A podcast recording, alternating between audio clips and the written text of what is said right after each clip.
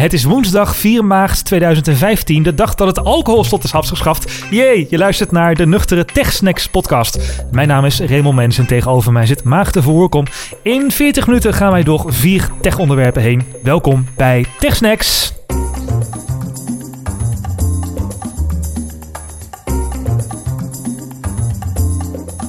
Nou, we zijn een hele nuchtere podcast. Even dubbelchecken. Ik zit aan de Cola Zero. En jij, Maagde? Ik aan de limonade. Nou, fijn. Eh, geen alcohol voor ons, dus wij hebben geen alcoholslot nodig. Maar het is Raymond, al definitief weg. Voordat, voordat we doorgaan, ik heb even een eh, prangende vraag. Ik eh, pak ons logo er even bij. En als je luistert, pak het logo er ook even bij van de TechSnacks podcast. Ehm Raymond, is ons logo nou blauw-zwart of is het wit-goud? Nee, het is wit-blauw. Oh, gelukkig. Ik dacht, ik dacht al, want anders dan hebben we straks een hele rel op internet onder hashtag eh, the icon. Van, van welke kleur ons logo nou heeft. Want ik weet niet of Ja, je het- de, de, het- oh, de rel hebt meegekregen oh, op internet. oh, Man, het weer- internet werd gesloopt. Ja, ja, want er was een plaatje van een jurk.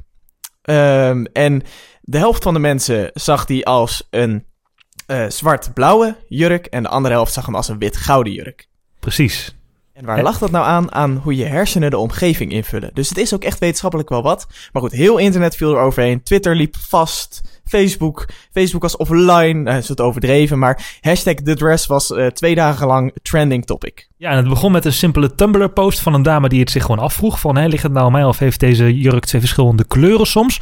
En er is vandaag zelfs een iPhone-hoesje van The Dress eh, op de markt gekomen. En in twee kleuren, zodat je niet hoeft te kiezen. Je hebt een goud-wit iPhone-hoesje en een zwart-blauw iPhone-hoesje. Oh, dat is wel gaaf. En het is ook leuk om je vrienden mee te trollen, om midden op de dag even eh, te wisselen. En dan te zeggen, nee man, hij was echt zwart-blauw. Nee, is de lichtinval. Of ja, je kijkt niet goed. Ja, dat zou, dat is inderdaad een mooie toepassing van zo'n hoesje.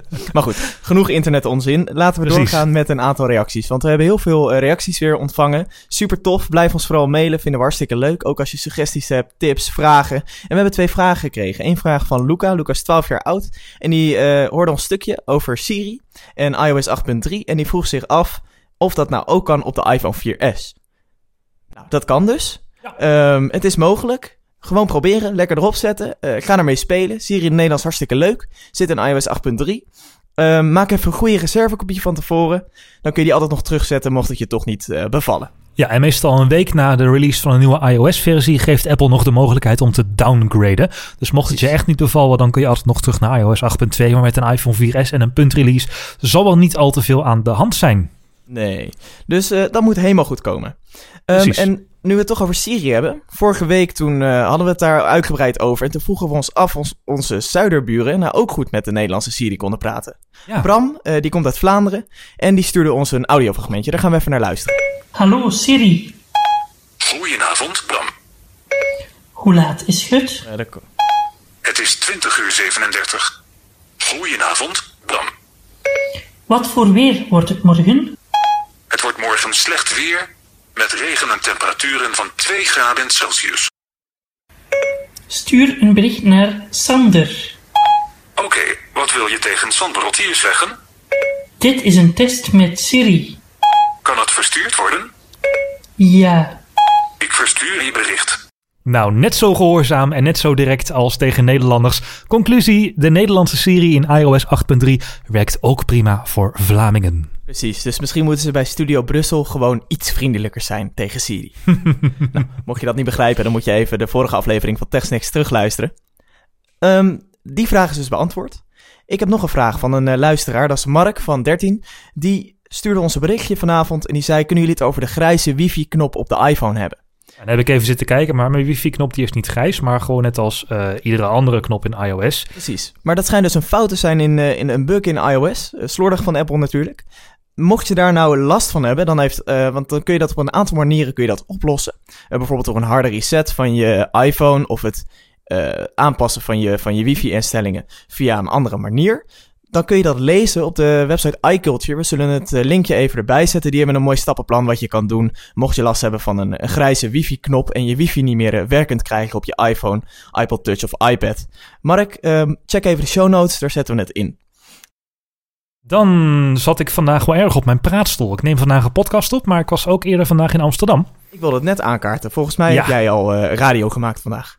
Ja, radio. Dit is podcast, maar ik heb ook radio gemaakt. Bij de zender met verstand van zaken, BNR Nieuwsradio. Daar ging het over de Apple Watch in het programma BNR Digitaal. Wie kun je daar dan beter over vragen dan de redacteur van de website One More Thing, dachten ze. En zo belandde ik vandaag bij BNR Nieuwsradio.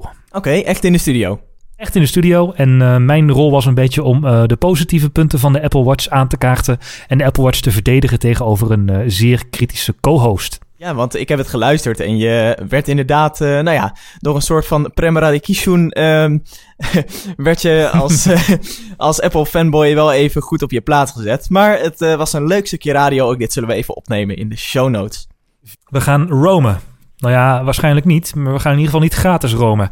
Het, eh, de vreugde was groot toen Nelly Kroes, onze tante Nel, ja ja, Ja, vorig jaar samen met het Europarlement de plannen maakte om alle roamingkosten af te schaffen. Zodat je in het buitenland ook gewoon uit je eigen bundel kan bellen. dat zou echt super zijn, want je betaalt je helemaal blauw als je nu in het buitenland wil gaan internet of bellen. En Nelly Kroes die had wel een plannetje en ze had het volgende plan. Roaming is old-fashioned. It is not connected with the situation of borderless Europe, a single market. We should just get rid of that. We should protect the consumer and give them transparent Uh, views what is at stake, what they are expecting to be delivered for what they are paying, but also talking about net neutrality, no blocking, no throttling, and of course a guarantee for that you get your package what is at stake and what you are paying for. And in the meantime, also giving opportunities to the business world to develop specialized services. Now, Nelly Kroes was duidelijk, roaming is old-fashioned. Ja, het is klaar, afgelopen. Ja, dachten we. Dus ging ze met het Europees Parlement ging ze een voorstel maken om de roamingkosten af te schaffen. Nou, ging allemaal prima. Europarlement akkoord. Het zou aan het eind van dit jaar afgeschaft worden. Maar vandaag, oei oei, shit hits the fan. oh nee. Diepe verdeeldheid binnen de EU. Er zijn namelijk een aantal bestuurslagen binnen de EU. Je hebt het Europese Parlement, maar ook de Europese Commissie en de Europese Raad. En die moeten het allemaal eens zijn over een voorstel voordat het goedgekeurd wordt en in de Europese wet vastgelegd wordt. En in een verklaring laten de Europese ministers vandaag weten het helemaal niet eens te zijn met het voorstel van het Europese Parlement om die roamingkosten af te schaffen. De lidstaten zijn namelijk van mening dat eh, de roamingkosten helemaal niet afgeschaft hoeven te worden. Nee, waarom zouden we? Nou, omdat iedereen zich helemaal schil betaalt en anno 2015 het eigenlijk niet zoveel meer uitmaakt of je nou gebruik maakt van een mast van iemand anders, zou ik zeggen. Ja, nou, de, eh, de Europese Raad wil het voorstel niet goedkeuren. En daarmee clashen ze eigenlijk met het Europees Parlement. Ze willen alleen eh, goedkopere roamingkosten. En als je al gratis kan roamen, willen ze het beperken tot 5 MB data per dag. Oh, dus dan kan ik twee berichten sturen. Dat is Ja, en- fijn. en twee artikelen lezen, nieuwsartikelen Twee- lezen. nou, ik denk nog niet eens. Volgens mij, ehm, ik zag daar een Twitter-conversatie een tijdje terug over voorbij komen van mensen die de NOS-website hadden geladen. En volgens mij ging die al over de 5 MB heen als die niet gecached was. Dus Ja, want een heleboel eh, websites hebben tegenwoordig plaatjes, sliders, slideshows, et cetera. precies. Ja, en denk ook aan Facebook bijvoorbeeld, de app die automatisch videodownloads en speelt. Ja, dat moet je ook niet hebben in het buitenland. Dus dan zou je eerst al die instellingen uit moeten zetten. En dan kijken of je zo je data eh, gebruik kan, kan isoleren. Dat je alleen WhatsApp kan gebruiken. En dan kan je misschien eh, net naar je familie wat WhatsAppen en wat ontvangen. Maar waag het om een foto te sturen, want dan ben je er al doorheen. Dan betaal je meteen 3 euro bij. Nou, dat vond het Europees Parlement dus geen goed idee. En de Europese Raad die dacht, nou, zo hard gaan we niet eh, van stapel lopen. Ze willen dat je 5 MB per dag kan gebruiken... en dat je daarna weer gewoon roamingkosten gaat betalen... en die alles na die 5 MB dus niet uit je eigen bundel komt. En dat voorstel dat werd vandaag bekend. Aanvankelijk dachten yes, eind dit jaar daarvan af. Maar de nieuwe maatregelen die zouden dan pas vanaf 2016 ingevoerd kunnen worden. Als dat 5 MB per dag doorgaat. En de Europese Raad wil in 2018 dan nog wel een keer overwegen... om een keer naar de roamingkosten te kijken... of ze dan misschien niet afgeschaft worden. Dus het is sowieso flinke vertraging. En als ze het al eens worden, waarschijnlijk ook nog een afgezwakt voorstel. Ja, dus dat gaat hem gewoon, eh, nou ja, de komende jaren in ieder geval niet worden. Nee, het Europarlement, ja, het Europarlement is piswoest. Dat zal inderdaad. hebben ze tegen persbureau Belga gezegd. Ze vinden het een anti-Europese houding van de Raad. En ze denken zelf dat de telecomlobby er zwaar achter zit. Nou ja, dat is natuurlijk interessant voor een, een bestuursorgaan wat eigenlijk eenheid eh, vertegenwoordigt. Dus ja, dat, dat is toch zo? Dat is het idee van de Europese Unie, dat we met z'n allen zeg maar sterk staan. Dat ze nu dan de handen aftrekken van het gelijktrekken van, van datakosten binnen de EU. Ja, dat is natuurlijk bizar. We kunnen het wel organiseren dat we een valuta hebben die overal gelijk is. Of bijna overal gelijk binnen de Europese Unie. Maar we krijgen het niet voor elkaar om, om gewoon wat kosten en wat telefonieverkeer met elkaar te, te onderhandelen. Maar het is inderdaad die telefonielobby die zal erachter zitten. Want baten van buitenlanders of eh, zeg maar mensen die op vakantie zijn en daar hun telefoon gebruiken, die zijn Daar natuurlijk verdienen ze flink aan. En binnen de Europese Unie zijn we dan wel één, één eenheid. Maar de verschillen tussen Noord- en Zuid-Europa zijn ook nogal groot. En die prijzen zullen dan een soort van gelijk getrokken moeten worden. En ja, dat, dat is ook nog wel lastig. Nou, het laatste woord is er nog niet over gezegd, want 126 leden van het Europees Parlement hebben een brandbrief naar de Raad gestuurd. Daar is onze eigen Marietje Schaken van D66 is daarvoor verantwoordelijk. En in die brief noemen ze het een forse belediging voor het Europees Parlement, maar vooral voor alle Europeanen die hun telefoonrekening omlaag willen. Op 13 maart gaan ze verder praten erover en daarna moeten dus de Europese Commissie, parlement en de Europese Raad in onderhandeling om tot een eindvoorstel te komen. Dus zal wel eh, ja, water bij de wijn doen. Ja, nou afwachten maar. Wordt vervolgd. Kijken of ze eerlijk met eh, plannen op tafel kunnen komen. En met eerlijke plannen. En met dat eerlijk wil ik eigenlijk een bruggetje maken naar het volgende onderwerp. Daar was de brug. het- ja, ja, we gaan het hebben over ehm, piraterij. Want het is een hot topic in Nederland. We hebben wat cijfers erbij gezocht. Eh, Netflix is natuurlijk eh, een van de grote entertainment websites. House of Cards is net online het tweede seizoen. We noemden het vorige eh, podcast ook al. En volgens mij waren die de zondag verantwoordelijk voor 41% van het internetgebruik in de States. De hele VS zat gewoon massaal House of Cards te streamen toen het uitkwam. Die zat allemaal te kijken naar hoe Frank Underwood eh, alles in zijn greep houdt. Maar goed, dat terzijde. No spoilers, man. Geen spoiler. Ik, eh, ik ben nog niet begonnen. Ik ben eerst nog even wat afleveringen van seizoen 2 terug aan het kijken. Omdat het gewoon zo'n goede serie is dat dat best kan. Genoeg over House of Cards. We gaan terug naar piraterij. Want eh, Netflix die had in januari een brief gestuurd. En eh, die noemde dat piraterij eigenlijk de grootste concurrent was van de streamingdienst. Ehm, en dan in specifiek Popcorn Time. En Nederland specifiek genoemd als land waar piraterij heel erg groot is. En waarom dit nu eigenlijk ehm, interessant is, omdat vanavond, eh, net voordat wij de, de podcast gingen opnemen, gingen ineens eh, allemaal nieuwswebsites pushberichten sturen. En, want er was een nog makkelijkere manier om illegaal films te kijken. Van Popcorn Time moest je nog een appje downloaden en moest je nog via de app kijken. Met nachotime.io kon je gewoon online je film zoeken en online kijken zonder dat je ook maar iets hoefde te downloaden. Gewoon streamen in je browser. Dat heeft eh, maar liefst eh, een halve dag geduurd. en net toen wij voor de podcast dachten, nou, laten we er nog eens even een kijkje nemen, zag ik deze melding. Deze site is verwijderd door Stichting Brein wegens aanbod van illegale entertainment content. Ze zijn er als de kippen bij. Ja, nou dat Nacho Time, ik dacht ook van vanmiddag toen ik het zag, dat kan niet lang duren, want ze hebben waarschijnlijk gewoon ergens video's gehost op YouTube of Google Video en die geëmbed. Ja, ja dat, dat kan niet anders. Ik heb even in de code van die website zitten kijken, maar kon niet echt achterhalen waar ze hun videocontent nou eh, hosten. Want Popcorn Time maakt natuurlijk gebruik van torrents. Ja, nou, ik las dat dit peer-to-peer was. Ja, dat is wel bijzonder dat het vanuit de browser peer-to-peer gestreamd zou kunnen worden. Ja, ik heb het niet kunnen verifiëren dat dat Nacho Time het ook deed, maar het was echt bizar eenvoudig. Gewoon film aanklikken in je browser en boom, je was vertrokken. Je kon kijken. Ja, Mocht je nou als ICT'er luisteren en denken van... oh, maar ik weet hoe dit werkte... laat het ons even weten via technics.nl slash submit... of @technicsnl op Twitter. Ehm, ja, het is, dus, het is dus wel bijzonder. We willen met z'n allen ontzettend veel kijken... en eigenlijk met het dubbeltje op de eerste rang. En ik heb daar vaak wat, wat gemengde gevoelens bij. Ik ben namelijk eh, een beetje anti-piraterij... en ik vind het best oké om, voor mijn- om voor mijn spullen te betalen... voor mijn entertainment. Dus ik heb een Netflix-abonnement en ik heb een Spotify-abonnement... voor mijn muziek en voor mijn tv. En ik heb ook bij KPN een tv-abonnement... omdat ik anders geen internet kreeg. En ik ook wel Nederland 1 en 2 en 3 wil zien. Maar het aanbod is veel groter. Je hebt Netflix, kost 8 euro per maand. HBO Go kost 15 euro per maand. NL Ziet kost 8 euro per maand. En bij NL Ziet zit dan NPO Plus, RTL XL en Kijk. Dat is allemaal van SBS, de commerciële en eh, onze eigen publieke omroep. Maar gebruik jij dat ook, Raymond? Eh, Ik heb sinds kort een Netflix-abonnement wat ik met mensen deel. En ik ben wel groot gebruiker van Kijk en NPO, maar niet de plusversies daarvan. Ik neem genoegen met de crappy beeldkwaliteit die zij uitzenden. Want je moet daar betalen voor HD. Als je NPO Plus hebt, krijg je HD. En je muziek? Eh, muziek, ik, ik heb geen Spotify. Ja, ik heb een gratis Spotify-account. Gebruik ik eigenlijk niet, want ik luister gewoon naar de radio. Oh, oké. Jij doet nog old-fashioned radio. Nee, ik ben een groot gebruiker van Spotify Premium. Vind het, eh, ja, het maken van afspeellijsten, et cetera, echt, eh, echt heel erg leuk. En het aanbod is gewoon heel erg gaaf. Maar Maar ik, heb, ik mag wel in de. ik ga even opbiechten.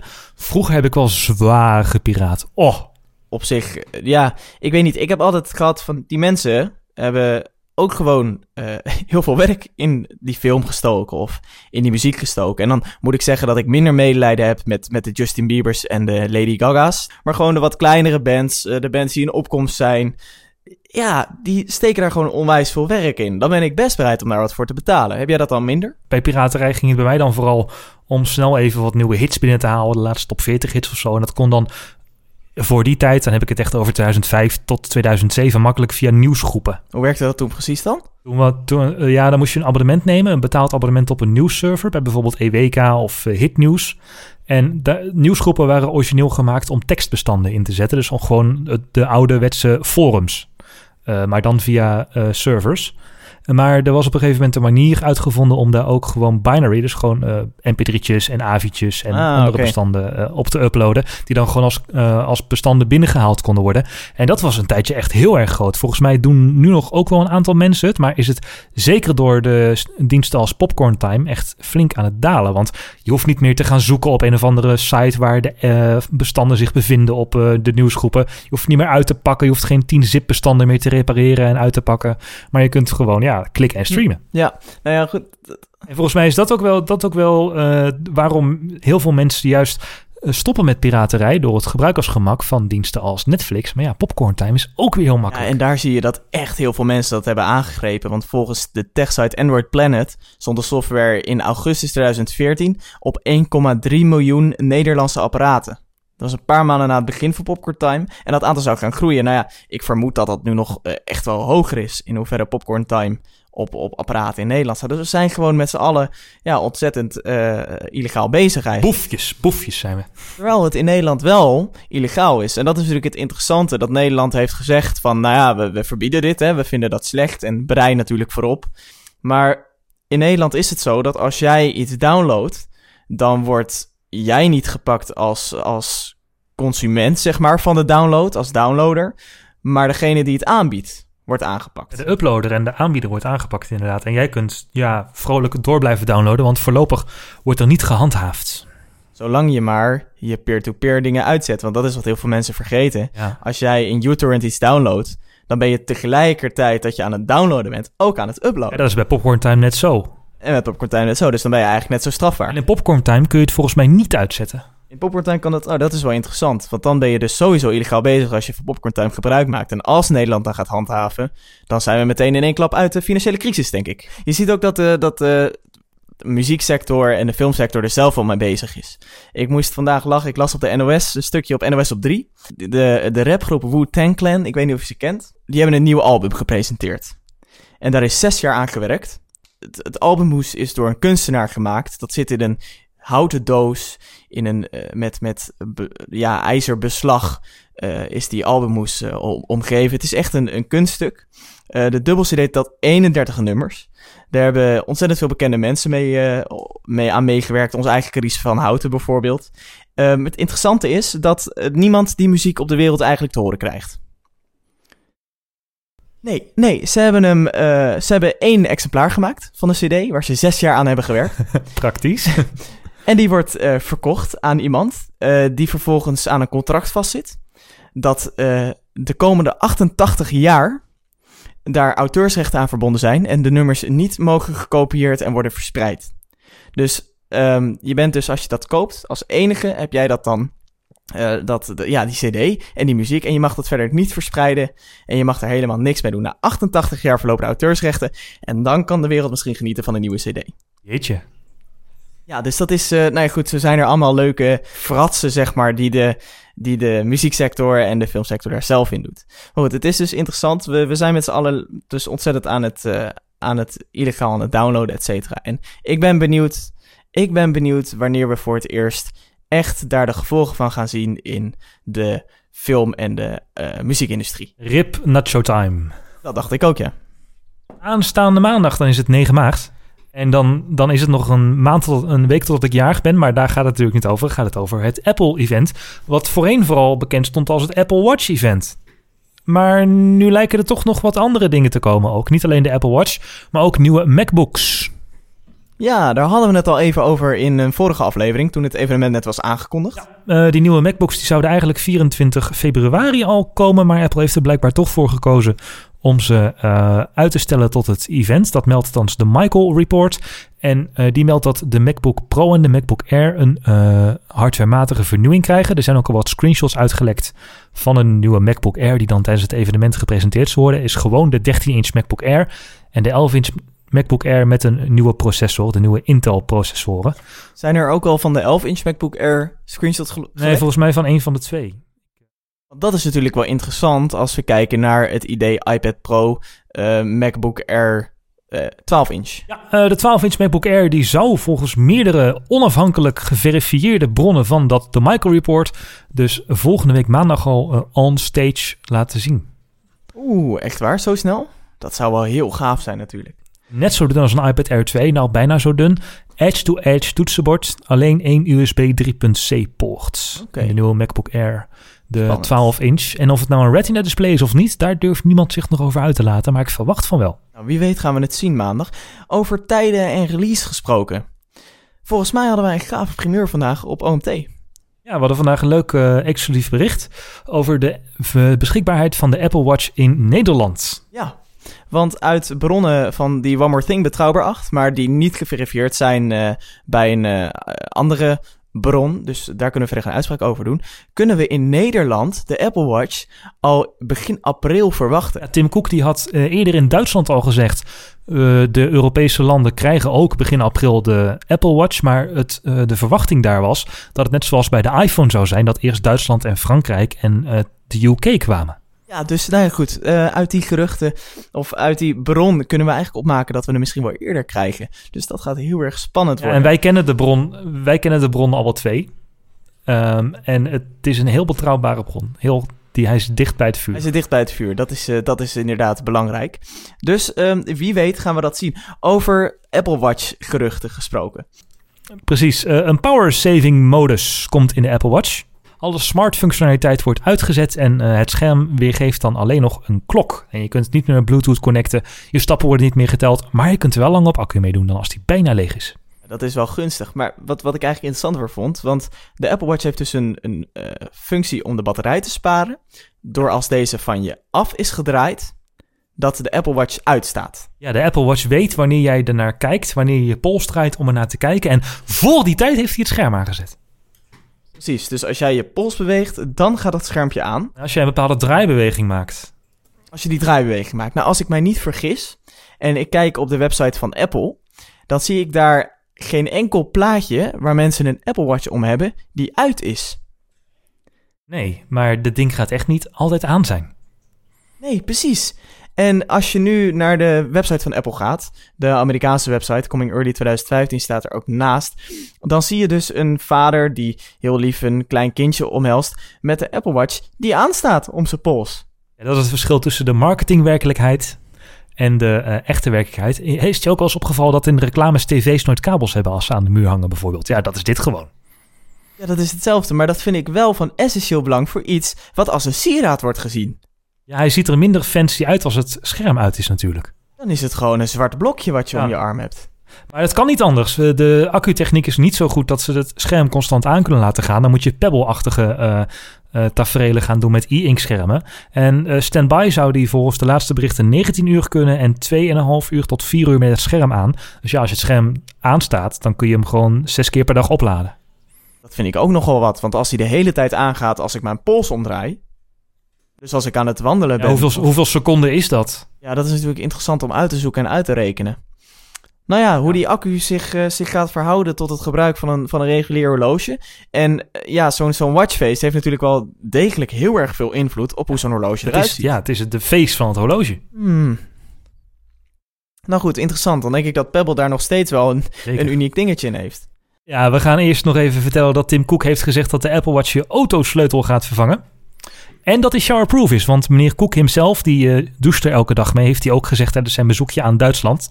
En mocht je nou iets hebben van, ik weet nog niet welke Apple Watch ik wil, of ik wil graag weten hoe Apple Watch apps eruit zien. Er zijn vanavond twee websites gelanceerd. De eerste is WatchAware. Daar kun je zelf al met Apple Watch apps spelen. En dat zijn echt de officiële eh, screenshots van apps die eh, ontwikkelaars al vrij hebben gegeven en specificaties. En als je ook een, ehm, een idee wil hebben van hoe bijvoorbeeld een gouden Apple Watch met een Milanese loop eruit ziet, dan is daar ook een Dat is een bandje. Dat Ja, is een bandje. dat is het. loop. Ja, precies. Dan kun je daar eh, op de website mixyourwatch.com kun je daar alle cases met alle bandjes en alle kleuren al proberen. Dus die hebben gewoon helemaal personalizen en dan daarachter komen dat je het allerduurste bandje hebt uitgezocht. eh, aanstaande maandag. Dan is het zover. Dan weten we het vanaf. Er is ook nog een puntje of het evenement nou om zes of zeven uur begint. Want is het in Amerika al wel of geen zomertijd? En hoe heeft dat dan invloed op het evenement?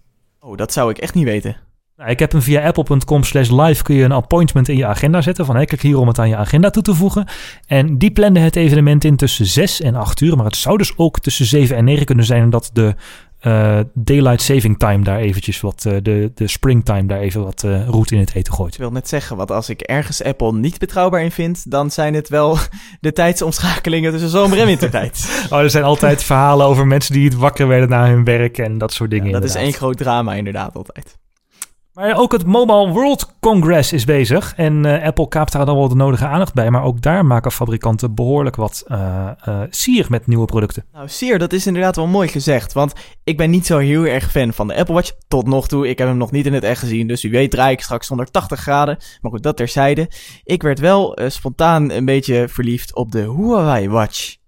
Heb je hem al gezien? Hij was ook rond, toch? Hij is rond en hij lijkt op een klassiek horloge. En dat vond ik vet. Hij is alleen vrij dik. Hij is, is, zeg maar, de, de kast van het horloge is echt wel eh, vrij fors op de pols. Maar eh, qua grootte en qua grootte van het scherm is het echt gewoon heel erg goed uitgewerkt. Het eh, draait op Google Wear. En ja, de concepten zijn gewoon heel gaaf. Het ziet er chic uit. Je kan ook verschillende bandjes kiezen. Voor stoer gaan of juist voor een mooi leren bandje. Ehm, het is, ja, de watchfaces zijn heel goed afgestemd op het eh, bandje en op ja, de hele uitschaling van het horloge, zeg maar. En hij is rond. Ehm, hij is rond. Ja, dat is een eh, voornaamst punt. Dat brengt wel weer de beperking met zich mee die we al eerder hebben gezien bij Google Wear. Dat Google Wear eigenlijk helemaal niet gemaakt is. Of Android Wear moet ik zeggen. Dat Android Wear eigenlijk helemaal niet gemaakt is voor ronde smartwatches. Nee, klopt. Ik zit eh, even te kijken inderdaad naar de interface. En er wordt nu een screenshot getoond op de website van Huawei. Ehm, van een Facebook bericht dat binnenkomt. En ja, de helft van het bericht valt er alweer af. Ja, dat is inderdaad wel heel erg jammer. Je zou dan kunnen scrollen. Als ik Android developer was eh, bij Google, dan had ik gezegd: jongens, hier moeten we wat mee. Want als ze ook nog die software echt goed kunnen stroomlijnen. En ik ga straks met iOS werken, want daar zijn de geruchten nu eh, over. Ja. Dat Android Wear straks met iOS gaat werken. Dan hebben we gewoon serieuze concurrentie voor de Apple Watch. Ja, even terug naar die Huawei Watch. eh, in goud, zilver of zwart, de behuizing.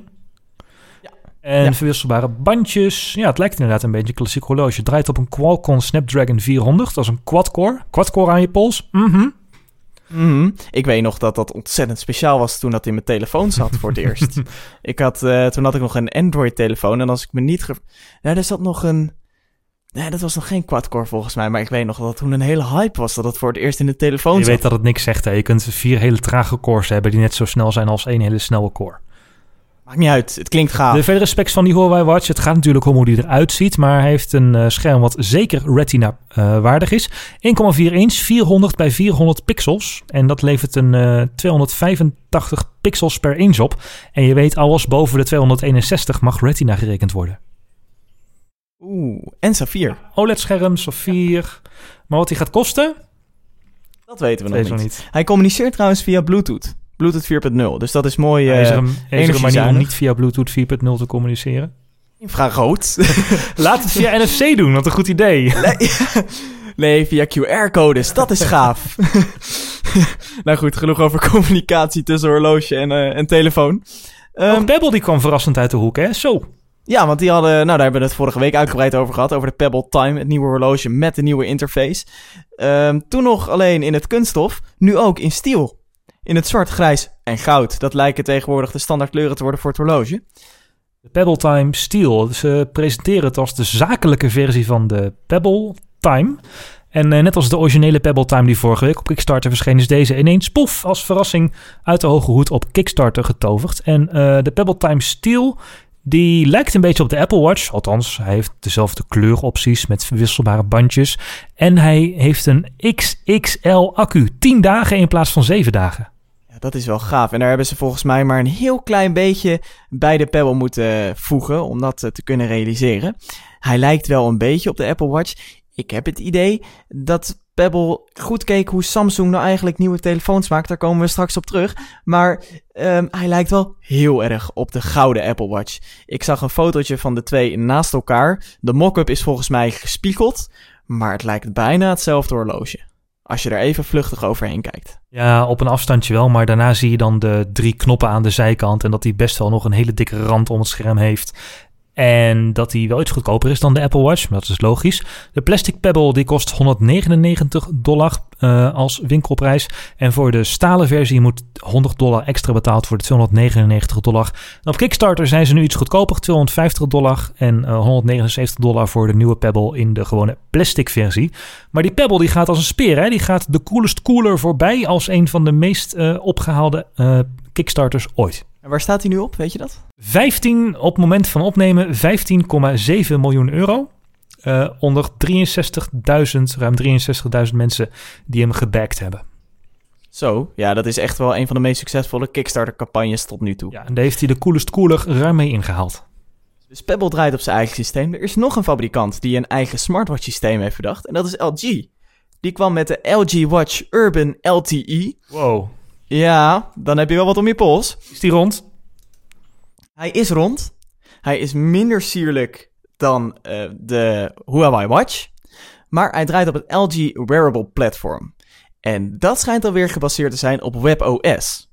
Ja, dat was ooit een samenwerking tussen verschillende fabrikanten voor. En dat was, zou op tv's gebruikt worden of zo? HP die is daar druk mee geweest. En toen werd. HP overgenomen, is dat meteen uh, afgestoten, heeft LG het opgekocht. En nu lijkt dat dus in de, het LG Wearable platform te zijn verwerkt. Ja, hij is wel flink uh, zwaar, die uh, nieuwe LG Watch Urban A. LTE. Ja, er moet ook een heleboel hardware in als die 2G, 3G en 4G gaat ondersteunen.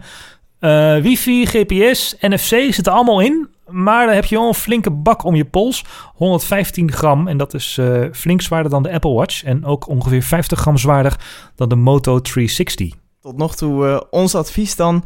Uh, kijk goed naar die Pebble. Dat is een gave smartwatch. En hou vooral maandag ook de presentatie van de Apple Watch in de gaten. Hey, we vliegen door de podcast heen en we moeten het nog over de Samsung Galaxy S6 en de Galaxy S Edge hebben. Want die zijn voorafgaand aan het Mobile World Congress aangekondigd. Ja, en ik uh, zag dat op Twitter voorbij komen. Tenminste, ik zag de onderkant van de Galaxy S6 voorbij komen. Oh, mama, mama. En ik dacht dat ik de iPhone 6 zag. En dat zeg ik niet omdat ik een uh, Apple-enthousiast ben, maar ik ja, sorry, ik kan er niet omheen. Hij lijkt echt enorm op de iPhone 6. Zelfs Tweaker schreef het op de website. Je ziet dat het design van de Galaxy S6, die met, uh, van metaal en glas gemaakt is, uh, voor het eerst. Hè? Het, normaal was dat altijd plastic. Um, echt geïnspireerd is op andere telefoons. De onderkant lijkt heel erg op de iPhone 6, terwijl de glazen achterkant wat weg heeft uh, van de Sony-telefoons. Dus ja, het is gewoon een, ja, een beetje afgekeken is het wel. Maar ja, beter goed gejat uh, dan slecht bedacht, zegt ook Tweakers. Samsung, Samsung moest wel natuurlijk, want die Galaxy S5, dat was best wel een flop. Mensen vonden hem lelijk en niet premium. Uh, dus ze moesten wel een andere richting op. Ze hebben zelfs hun designer ontslagen en een nieuwe aangenomen. Maar wat mij het meeste opviel aan die Galaxy S6 is dat het zo'n niet Samsung-telefoon weer is. Ik bedoel, Samsung ging best wel zijn eigen weg met verwisselbare batterijen, SD-kaartslot, waterdicht en allerlei andere shit die je ermee kon doen. Is er allemaal uit. Is allemaal weg. Ja, ja de achterkant is niet meer uh, te verwisselen.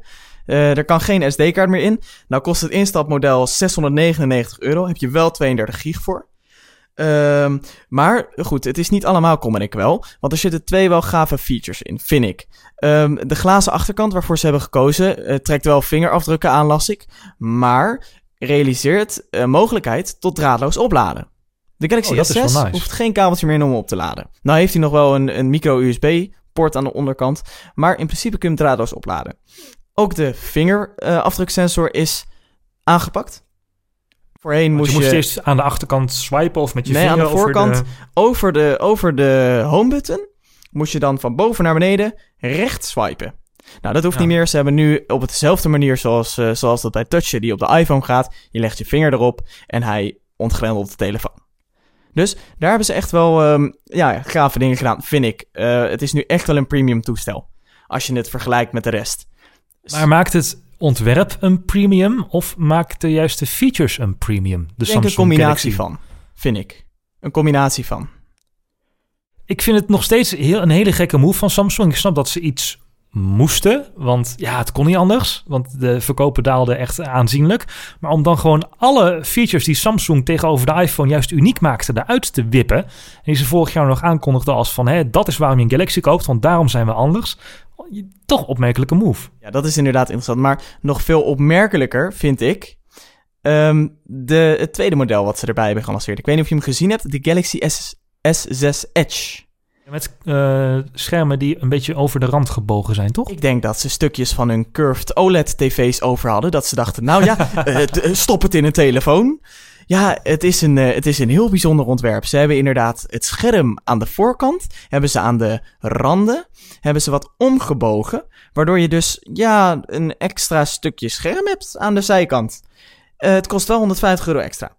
Op dat extra stukje scherm, daar kun je eigenlijk niet zoveel mee.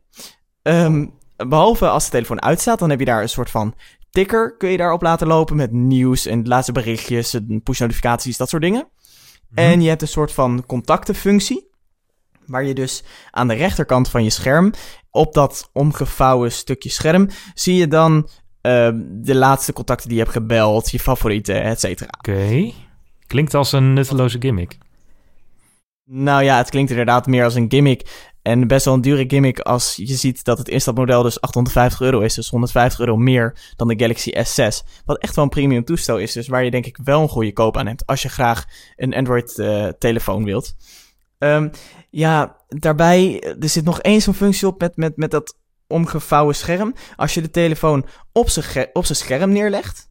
En eh, dus jij hebt die Galaxy S6 Edge. Jij zit in vergadering en je hebt dat ding op zijn kop liggen. Dan zie je een klein lampje verschijnen in de kleur die jij hebt ingesteld bij mij contact. En dat gaat een beetje heen en weer zo. En dan kun je zien dat ik bel zonder dat je hoort van het trillen of je telefoon gaat. Of je mist Ah, dus eh, de elk contact kun je in kleurtjes. Dus je vrouw krijgt roze en je eh, zoon die krijgt blauw. En, ja. Precies, dus zo heb je eigenlijk een discolamp op tafel in plaats van dat je telefoon trilt. Wat een nutteloze gimmick. Echt, om daar nog 150 euro meer voor te betalen, ik weet het niet. Maar die Galaxy S6, ja, ik vraag me ook af of het een goede weg is voor Samsung om op te gaan.